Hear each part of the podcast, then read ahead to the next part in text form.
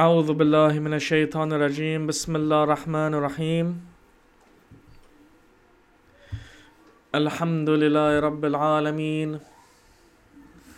والصلاة والسلام على رسول الله وعلى آله الطيبين الطاهرين المعصومين المقربين.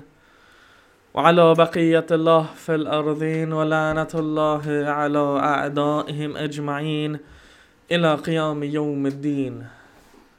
اللهم كن لوليك الحجة ابن الحسن صلواتك عليه وعلى آبائه في هذه الساعة وفي كل ساعة وليا وحافظا وقائدا وناصرا ودليلا وعينا حتى تسكنه أرضك طوعا وتمتعه فيها طويلا Fimma Mahdis välgång och snara återkomst så väl jag skicka en salat.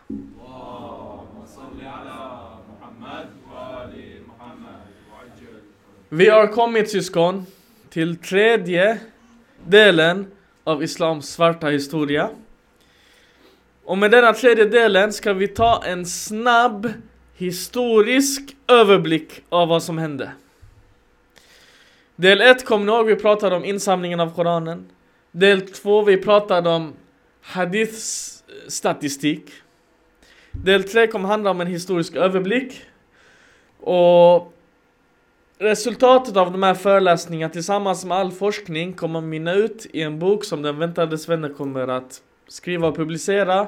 Inshallah i slutet av året. Som kommer kallas Islams svarta historia. Så för er som vill forska, för efter varje föreläsning folk kommer och frågar och, och så vidare. Det märks att det är ett brinnande intresse. Så vi hänvisar till den boken för djupare forskning och källhänvisning och så vidare. Så låt oss dyka in i historien men salawat ala Muhammad och Ali Muhammad.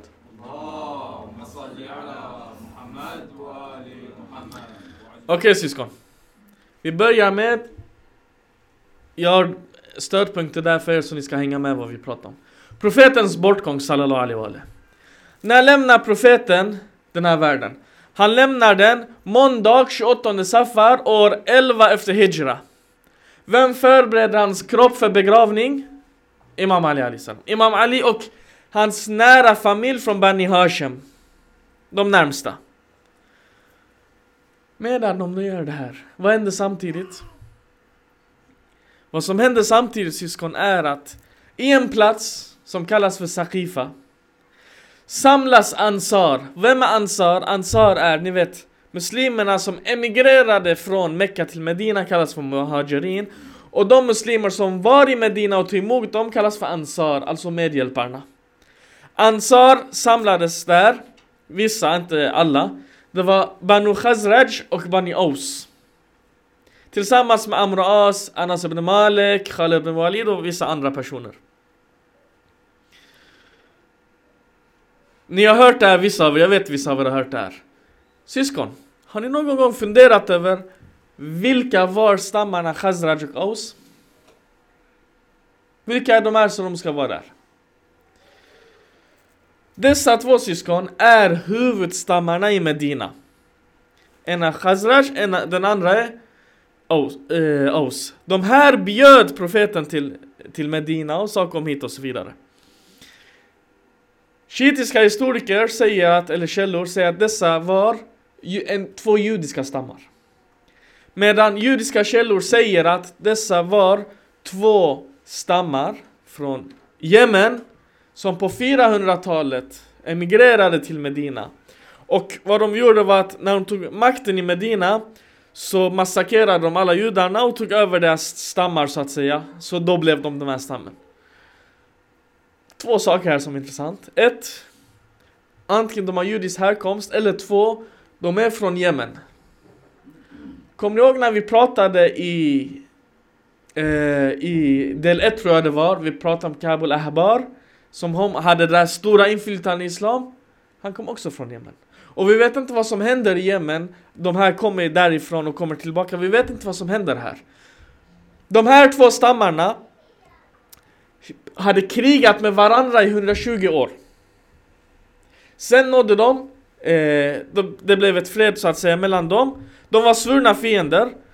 Eh, och vad som hände var att eh, Det blev fred mellan dem, profeten kom dit, han lugnade ställningen, ja de blev muslimer och så vidare. Men det utbröt en dispyt, för de samlades, de ville säga vem ska ta över Islam efter profeten Muhammed? Det var hela diskussionen. Och Bani Khazraj sa det ska vara någon från oss, Bani Aus sa någon från oss, och det började bli en 120 års krig, det är inget skämt. Direkt det börjar bli dispyter och konflikter och de här börjar vara nära att hamna i krig med varandra. Vad händer? De säger okej, okay, de kom överens om, den ene var rädd att den andra stammen får makten och den andra stammen var rädd att den ene får makten. De kom överens om, vi nominerar Ali ibn Abi Talib som kalif efter profeten.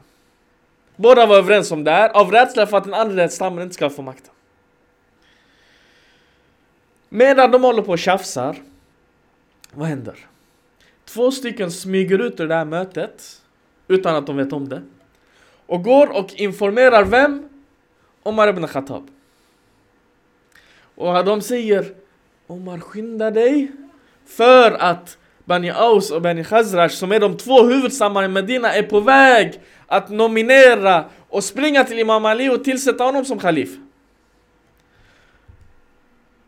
Omars mannen, vad ville han egentligen? Han ville att Abu Bakr i samband med att profeten skulle begravas och han dog hans sista dagar och sånt där Att han skulle synas bredvid, alltså i, i anslutning till profeten och begravning och sånt där. Alltså det är egentligen en sorts politik här. Han ville det här. Och ni vet här också känt, det finns en hadith som Aisha berättar från Nu minns jag inte om det är Bukhari eller Muslim. Hon själv berättar att Hon säger att Profeten sa till Abu Bakr att leda den sista bönen. Detta är på samma måndag som profeten dör. Han ska leda bönen. Han går och leder bönen, sen profeten kommer haltandes i sin svåra sjukdom och puttar bort Abu Bakr och leder bönen själv.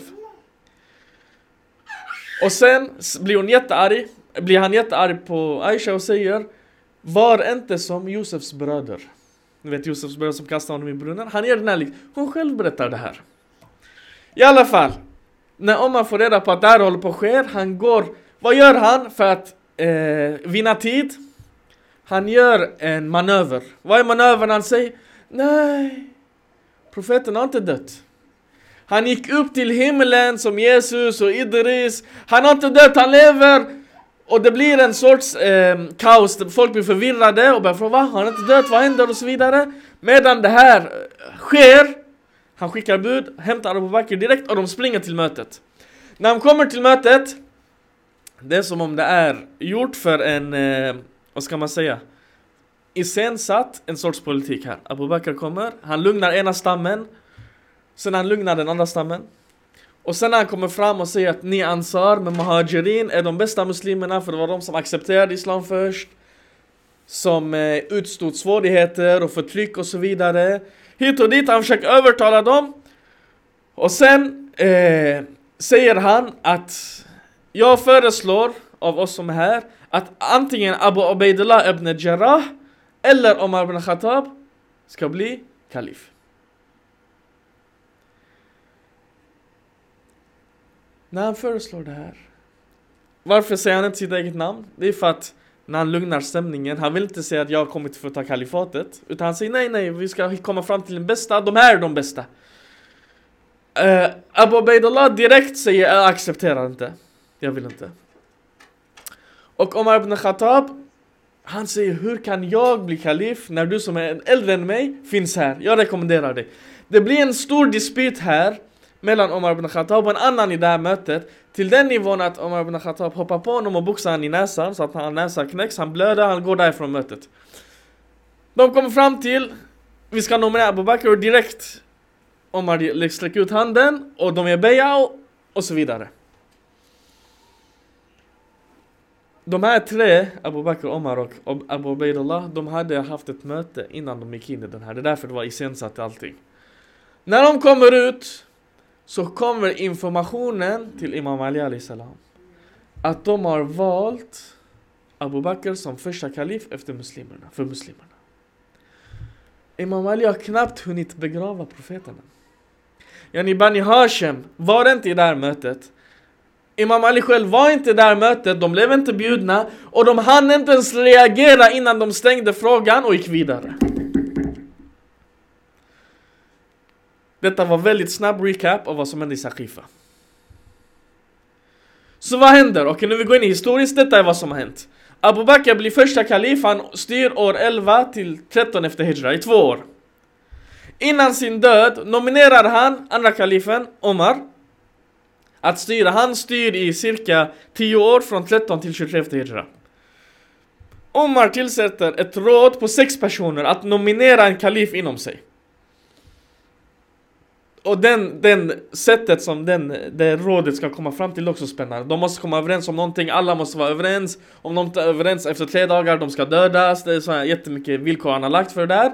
I det här mötet, vem väljs till sist? Den som väljs är Othman ibn Affan. Han blir tredje kalif tills han blir mördad. Så han styr 23 till 35 efter Hijra. Cirka 12 år.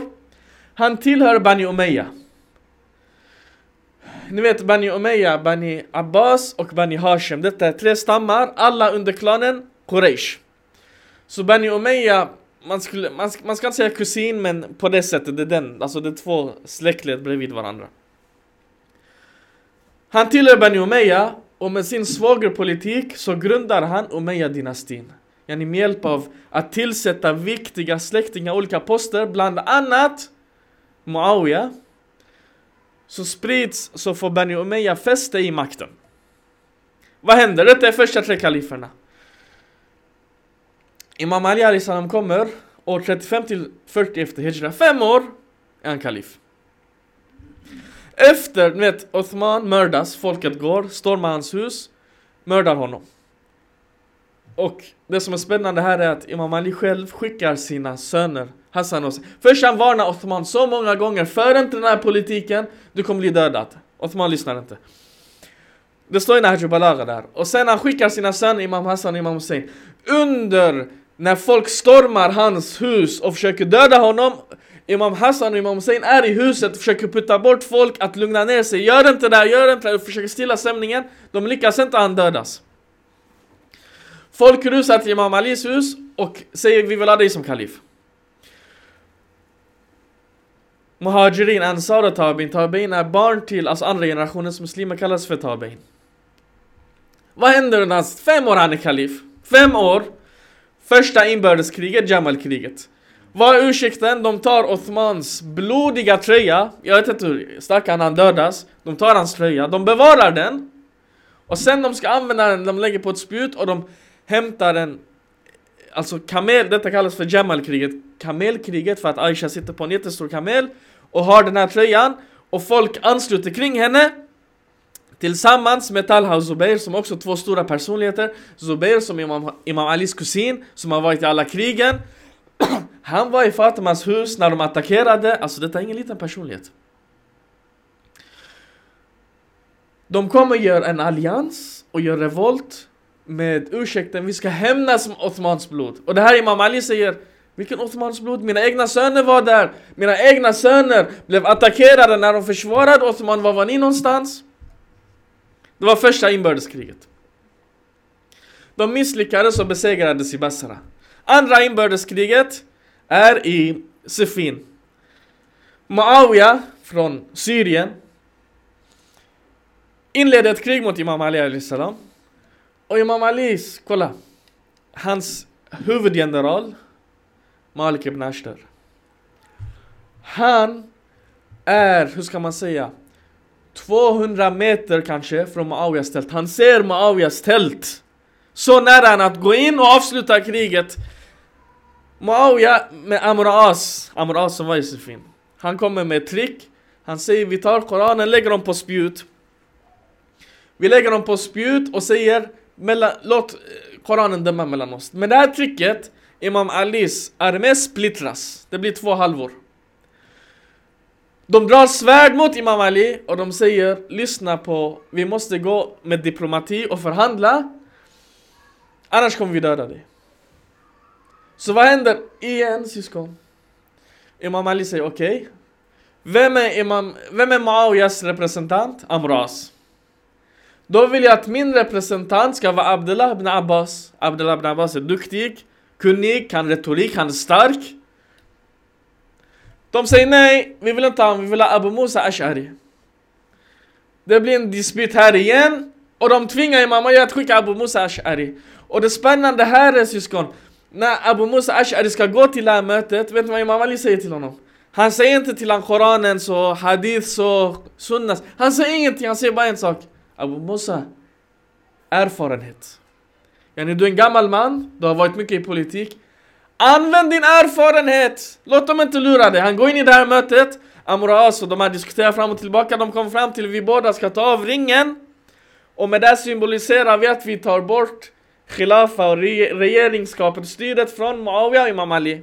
Och så eh, väljer vi någon annan.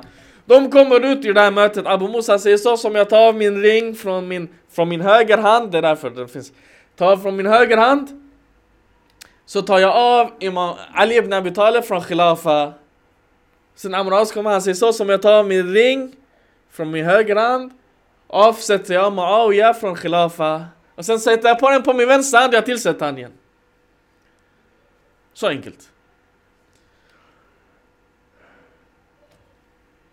Så Sifinkriget är tystade, det lades ner. Men det blev en splittring. En Imam Ali, stor del av Imam Alis armé lämnade kriget. Vad händer? Tredje inbördeskriget. Syskon, det är fem år, det är tre inbördeskrig. Nahrawan, desertörerna från Imam Alis armé, de som kallas för Khawarij. De gör revolt. De säger La hukm illa billah. Bara Gud får styra alla. Muawiya och Imam Ali. Alla de här kuffar. Ingen bara Gud får styra. Vi ska döda allihop. Imam Ali går in i kriget. Han varnar dem så många gånger. Till sist han säger Om ni inte gör det här, jag kommer döda alla utom tio stycken. Han går in i kriget. Från Imam Alis armé dör max 10 personer. Från deras armé dör alla utom 10 personer. Ungefär det höftat, det står i 5, 6, 7 och sånt. en av dem som överlever, vem är det? Ibn Mulja. Som leder till lönnmordet av Imam Ali senare, år 40 efter Hijra. Detta är de fyra första kaliferna. Islam, början av Islams historia efter profeten. Vad händer år 40 efter Hijra syskon? De kallar den för året av enhet. Muslimerna vänder sig till Imam Hassan och de svär en allians. Vad händer? Muawiyah hämtar sin armé och attackerar Imam Hassan. Kufa, vad gör Kufa? De gör exakt samma sak som de gör i Karbala. De gör exakt samma sak, exakt.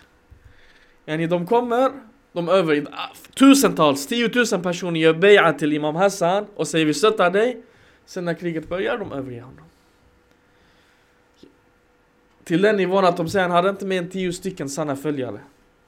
Till den nivån att de drar bönemattan under hans fötter. De hugger han i låret med en kniv.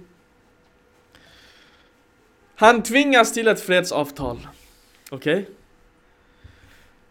Kalifatet kallar denna, detta år för Amul Jama'a. Alltså året av enhet. För att enligt dem Muawiyah accepterades av alla som kalif. Ja, detta är enhetens år. Vad är det här för enhet? Hur kan ni kalla det här för enhet? Ja, han tvingade sig till det. Och vad händer nu syskon? Muawiya styr i 20 år. Det är lika länge som de flesta av oss har varit muslimer här inne. En hela din muslimska tid, du är under hans styre. Förstår du vilken makt du har på den tiden? Vad händer här syskon? När du har makten i handen, du har median i handen, då börjar du fabricera hadither som gynnar profetens, eh, från profet som gynnar kalifatets skola. De här haditherna som fabriceras delas upp i fyra kategorier. Kategori nummer ett, genuina hadither från profeten, profeten har sagt någonting, men den återberättas i led tills den tappar bort sitt, äh, sin mening. Det blir som viskeleden, viskeleken, det som kommer ut på andra sidan, det är inte det som sades från början. typ nummer två, det är yttranden från Ahl sunnas lärda och deras studenter. Som blandas ihop med vad profeten har sagt. På ett sätt att det inte längre går att urskilja. Till exempel om man har en bok. Ja, profeten sa så här, bla bla bla, och min kommentar och så, och så skriver de det här, och så sprids det, eller de har en lektion och de säger det, och så sprids det. Till sist vet man inte vad var det vad profeten sa, och vad var det som den här lärde sa. Exempel, Vi har hadither i de här sex sunnitiska autentiska samlingarna som vi pratade om förra gången. Som säger Gud har en fysisk kropp.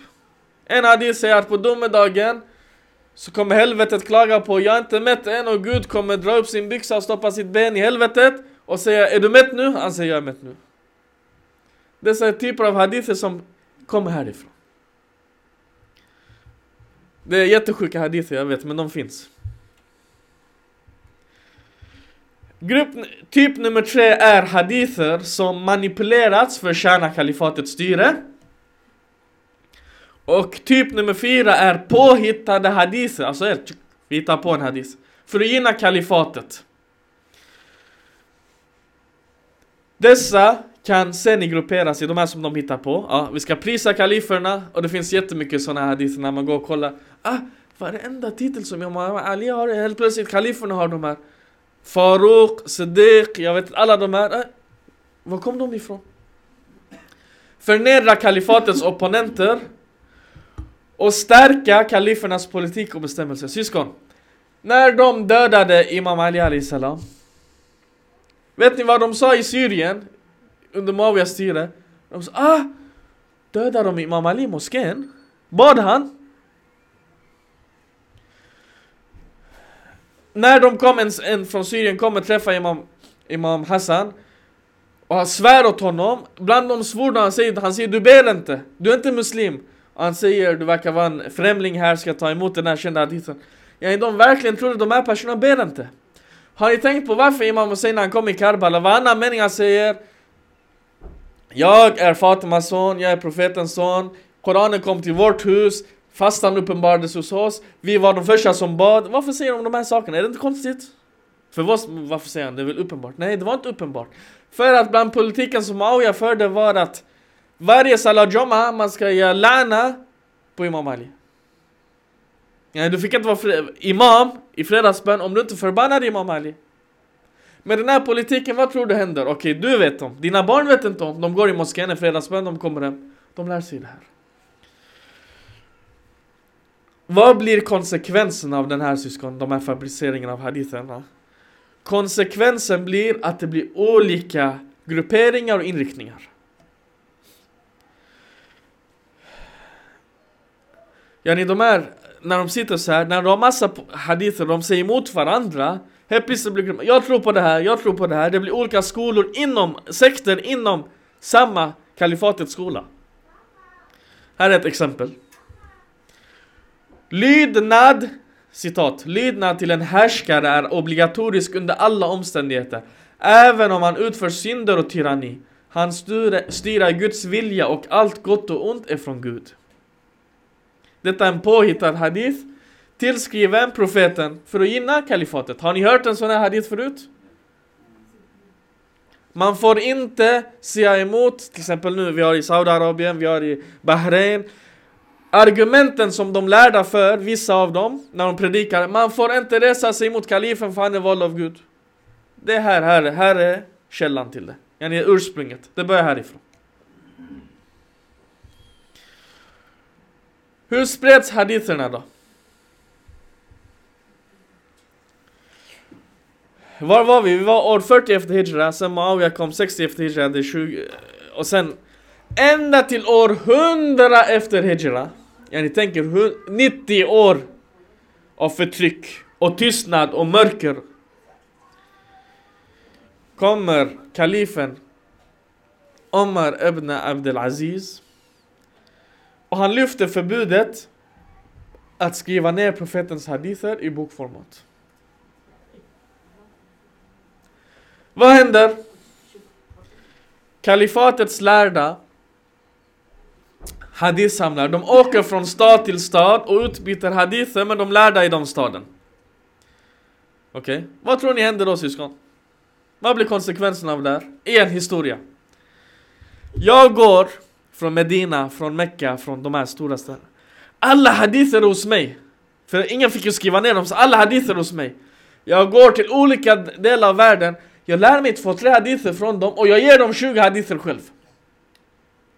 På det här sättet sprids alla de här fabricerade, påhittade, manipulerade haditherna som har funnits i hundra år. De sprids i det Islamiska riket. Samtidigt som det inhämtas nya hadither. Det blir en ren soppa av allting. Stora skillnader, stora grupperingar.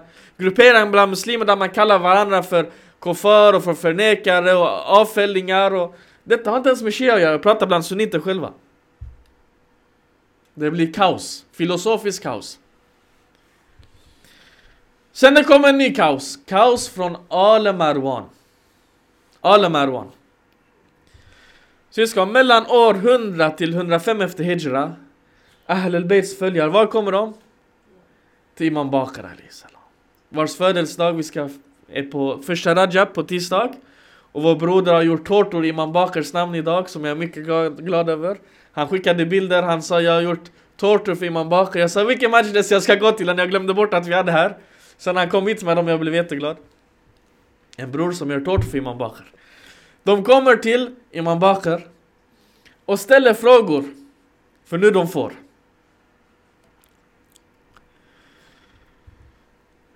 Abdel Malik ibn Marwan. Han hade bland annat tre söner. Syskon, nu ni kommer bli förvirrade för det är samma namn som återupprepas. Bland annat tre som var, eh, de här tre sönerna var kalifer, eller vi kommer komma till dem. Hisham, Yazid den andra, Walid den första. Vem var Yazid den första?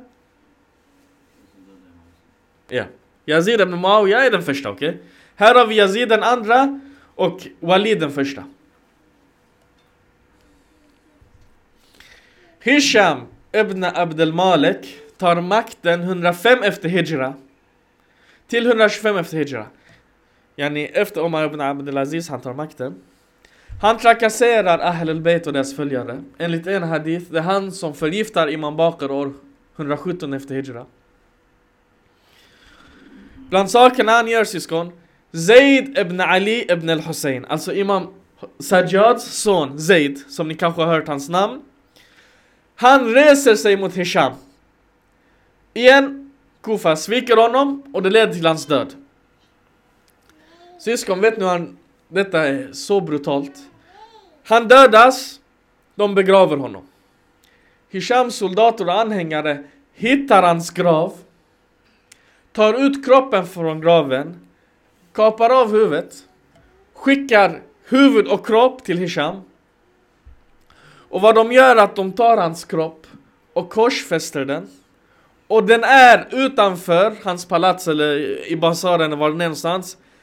I hela Hishams kalifat. Inte tre dagar, inte en vecka. I flera år. Och här det spännande här är att många shia-lärda exempel Sayyid Khoui, Shahid al-Awwal med flera säger att Zaid ibn Ali gjorde sin eh, uppresning med Imam Sadiqs tillåtelse, indirekt. Till exempel, Imam Redali salam säger att Berättar från Imam Sadiq, han återberättar, han säger att Imam Sadiq säger Zaid frågade mig om sitt, sitt uppresande och jag sa Åh min kära farbror om du vill vara den person som korsfästs i Konasa-basaren av Kufa så upproret vägen. Och när Zaid lämnade sa Imam Sadiq eh, eh, Ve över den som hör hans rop och inte hjälper honom. Imam Sadiq innan ens säger han kommer bli korsfäst. Och han korsfäst hela sitt liv. Efter Hisham dör, Walid ibn Zaid Tror de begraver honom? De bränner hans kropp och tar askan och sprider den i vinden. Han har ingen plats längre ens. Finns no Hur ska du dö? Det är så subhanallah. Zaid ibn Ali. Vad är hans brott? Han vill hämnas Imam Hussein. Det är hans brott. Efter Hisham kom hans brorson Walid den andra, Ibn Zaid Ibn Abdel Malik. Han tar makten år 125-126 efter Hijra. Han är den näst mest korrupta kalifen från Bani Umayya. Vem är den mest korrupte? Yazid. Yazid ibn Muawiyah som dödade Imam Hussein. Walid den andre kallas för den näst mest korrupte. Vet ni varför? Han hade så sjuka tankar som om man tänker, hur kom han ens på de här? Bland tankarna han hade var att han ville bygga ett litet hus på Kaaba så han kunde sätta sig i den och dricka alkohol.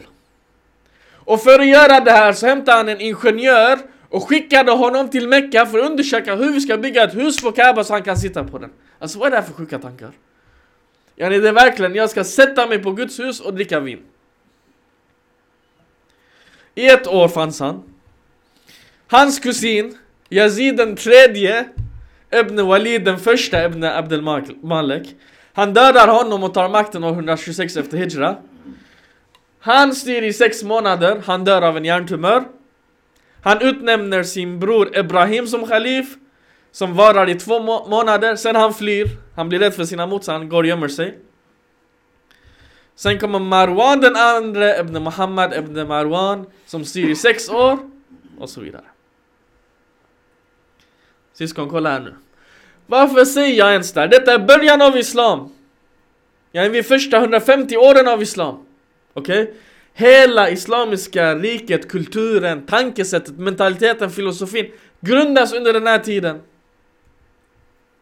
Och här kommer hadith från Sahih Bukhari. Islam kommer att fortsätta tills det är 12 imamer från Quraysh och när de dör kommer jorden svälja upp sina invånare. En annan version från Sahih Bukhari, Sahih Muslim säger att eh, profeten säger det kommer finnas 12 kalifer efter mig och så säger återbär att jag hörde inte vad han sa det, så jag frågade min pappa och min pappa sa det och alla kommer vara från Quraysh. Fråga. Vem var dessa 12 imamer eller kalifer? Vem är de? Ska vi se vad de lärde sig, vem de är? Okej. Okay. Al-Bayhaqi, han är en stor sunnitisk lärd, hadith-expert. Han dog 458 efter Hijra. Han säger detta antal 12 hittas till Walid ibn Abdel Maliks tid. Efter detta är det kaos och oroligheter. Sen kom Abbasi-dynastin. Men då blir det mer i antal. Jag vet inte riktigt, är det de 12 första eller ska vi lägga till några från Bani Umayya? Vi har bin Baz. Bin Baz var Saudis största mufti under hela under 1900-talet. Han citeras mycket. Han säger hans åsikt. De fyra kaliferna Abu Bakr, Omar, Uthman, Ali Sen Muawiya, sen hans son Yazid, sen Abdel Malik ibn Marwan, sen hans fyra söner och Omar ibn Abdelaziz. Dessa är de tolv kaliferna. Och detta är den bästa åsikten angående de tolv imamerna. Att det slutar med Hisham ibn Abdel Malik då religionen etablerades under deras tid, Islam var segrande, sanningen var uppenbar och Jihad tillämpades. Det är hans åsikt.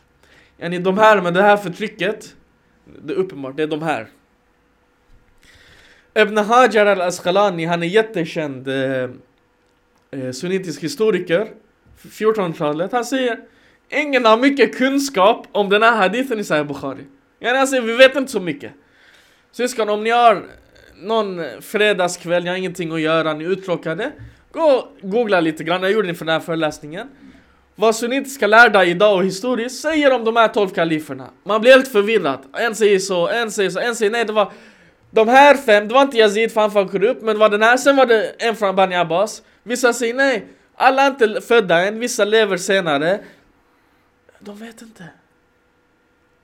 Och nu syskon, vi har hadither som säger 12.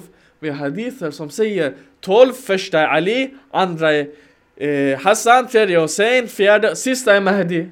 Vi har, de, här, de har inte ens tagit hänsyn till de här, man måste kolla i helheten, inte bara ah, den här, ah, jag vet inte riktigt vilka de här 12 kaliferna är. Vilka de här 12 imamerna är.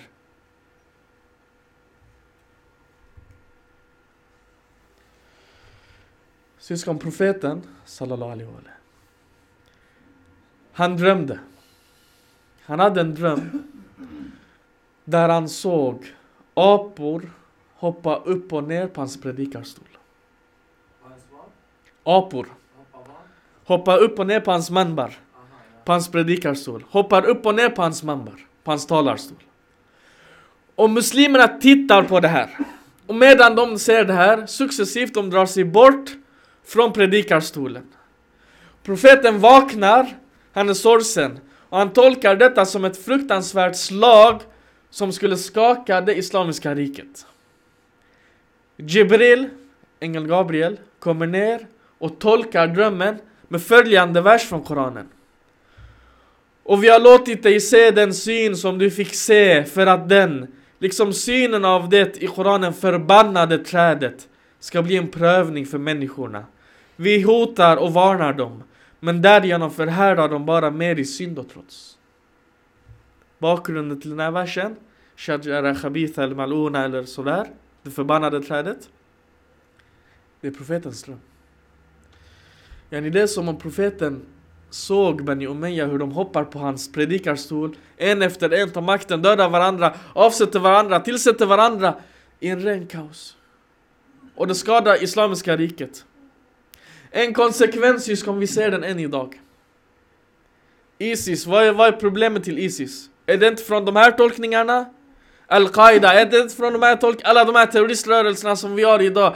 Där folk försöker påtvinga Islam. Är det inte på grund av det här? Att vi idag har SD och andra som förbjuder slöjan för att de är rädda för Islam. Är det inte ursprungligen en konsekvens av det här agerandet?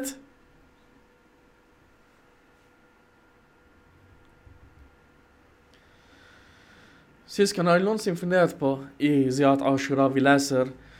Ja Aba Abdullah Jag är fred med dem som är fred med dig och jag är krig med dem som är krig med dig ända till domedagen. Och så må Gud förbanna all Ziyad Ziyads ett all Marwan och hela Bani Umayya. All Marwan var den vi gick igenom. Marwans kaos alla de här var Marwans söner och brorsöner och höger och vänster, alla de här tillsammans. Och de gör den här kaosen. Sen vi kommer till Imam Sadiq År 125 till 132 efter Hijra, Bani Umayya möter tvåfrontskrig. Å ena sidan där Bani Abbas kommer och de eh, propagerar att Khilafa och styret ska gå tillbaka till profetens familj, yani, från Abbas, Bani Abbas, inte Bani Hashem. Yani, den ska hoppa från Bani Umayya till Bani Abbas. Inte Bani Hashem. Där, och de försöker ta makten, och sen har vi Khawarij, olika Khawarij-grupperingar och den här att ingen ska styra och bla bla bla. Det blir mycket inbördes problem och konflikter och, och så vidare. Så vad händer? Folk är törstiga efter Islam. De kommer till Imam Sadiq. Syskon, de kommer från hela världen. De kommer i Mecka, Imam Sadiq var där varje år. De kommer från Khorasan, från Qom, från Neishapur, från Bagdad. För alla länder kommer dit och ställer frågor. Shia och Sunni, alla kommer till Imam Sadiq. I 12 år, från fram till 132 efter Hijra, när Bani Abbas tar makten. Imam Sadiq undervisar folket. 3000 individer återberättar hadith från Imam Sadiq. 3000. Syskon, det är så vackert. För med alla hadither har fabricerats och beblandats och spridits och det har blivit kaos i det här, i den muslimska världen. De kom till Imam Sadiq och frågade om en hadith. Imam Sadiq säger, de säger Abi, Abi Abdullah Jafar ibn Muhammad Sadiq återberättade till mig från sin far från sin farfar, från sin förfader, från profeten, från Jibrail, från Gud. Abi Abdullah återberättade till mig från sin far, från sin farfar, från sin förfader, direkt från profeten. Kolla vad vackert. Nej, direkt. En gyllene kedja. Han berättade, de här hadisarna kom in i hjärtat. Ingen förvirring, ingen konflikt. Och här syskon, vi kommer till Ahl al-Baits hadithsamlingar Det är de böckerna som vi har. De här som kom, Ahl al-Baits lära och hadither, de skrevs ner i små kompendium. Haditherna, lärorna. Dessa kompendium kallades för asl. Alltså grunder, original, eh, fundamental asl. De var totalt 400 kompendium. 400 asl. Sen kommer Sheikh Kuleini, en av våra största lärda. År 329 efter Hijra.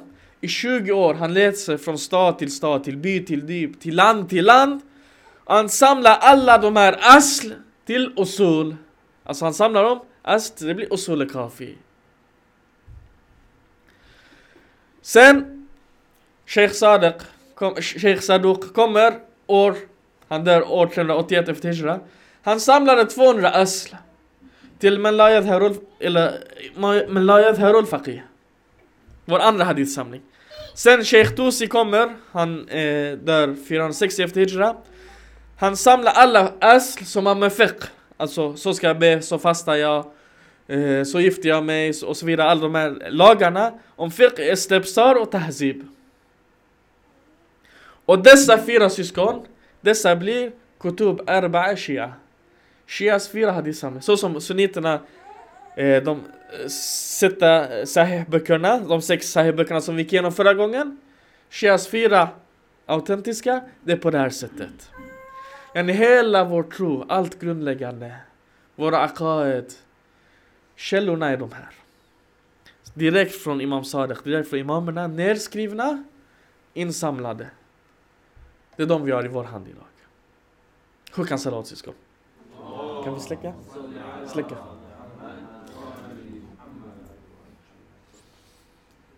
Med det här arvet syskon, med det här arvet så måste vi tänka, vad gör jag med det här arvet som profeten lämnade efter sig? Och hur tar muslimerna hand om det här arvet idag? Och hur tog de hand om det här arvet efter profetens bortgång? Om vi återkopplar till Saqifa. Är ifrån profetens bortgång. Profeten lämnade ett, hela sin kunskap, hela islam. Två, han lämnade hela sin familj. Den första, yani direkt blodblandet, var hans egen dotter. Hur tog de hand om det här arvet från profetens syskon? Hur tar vi hand om det idag? Och är det inte vår plikt att ta hand om den, leva upp till den och sprida den vidare på det vackraste möjliga sättet?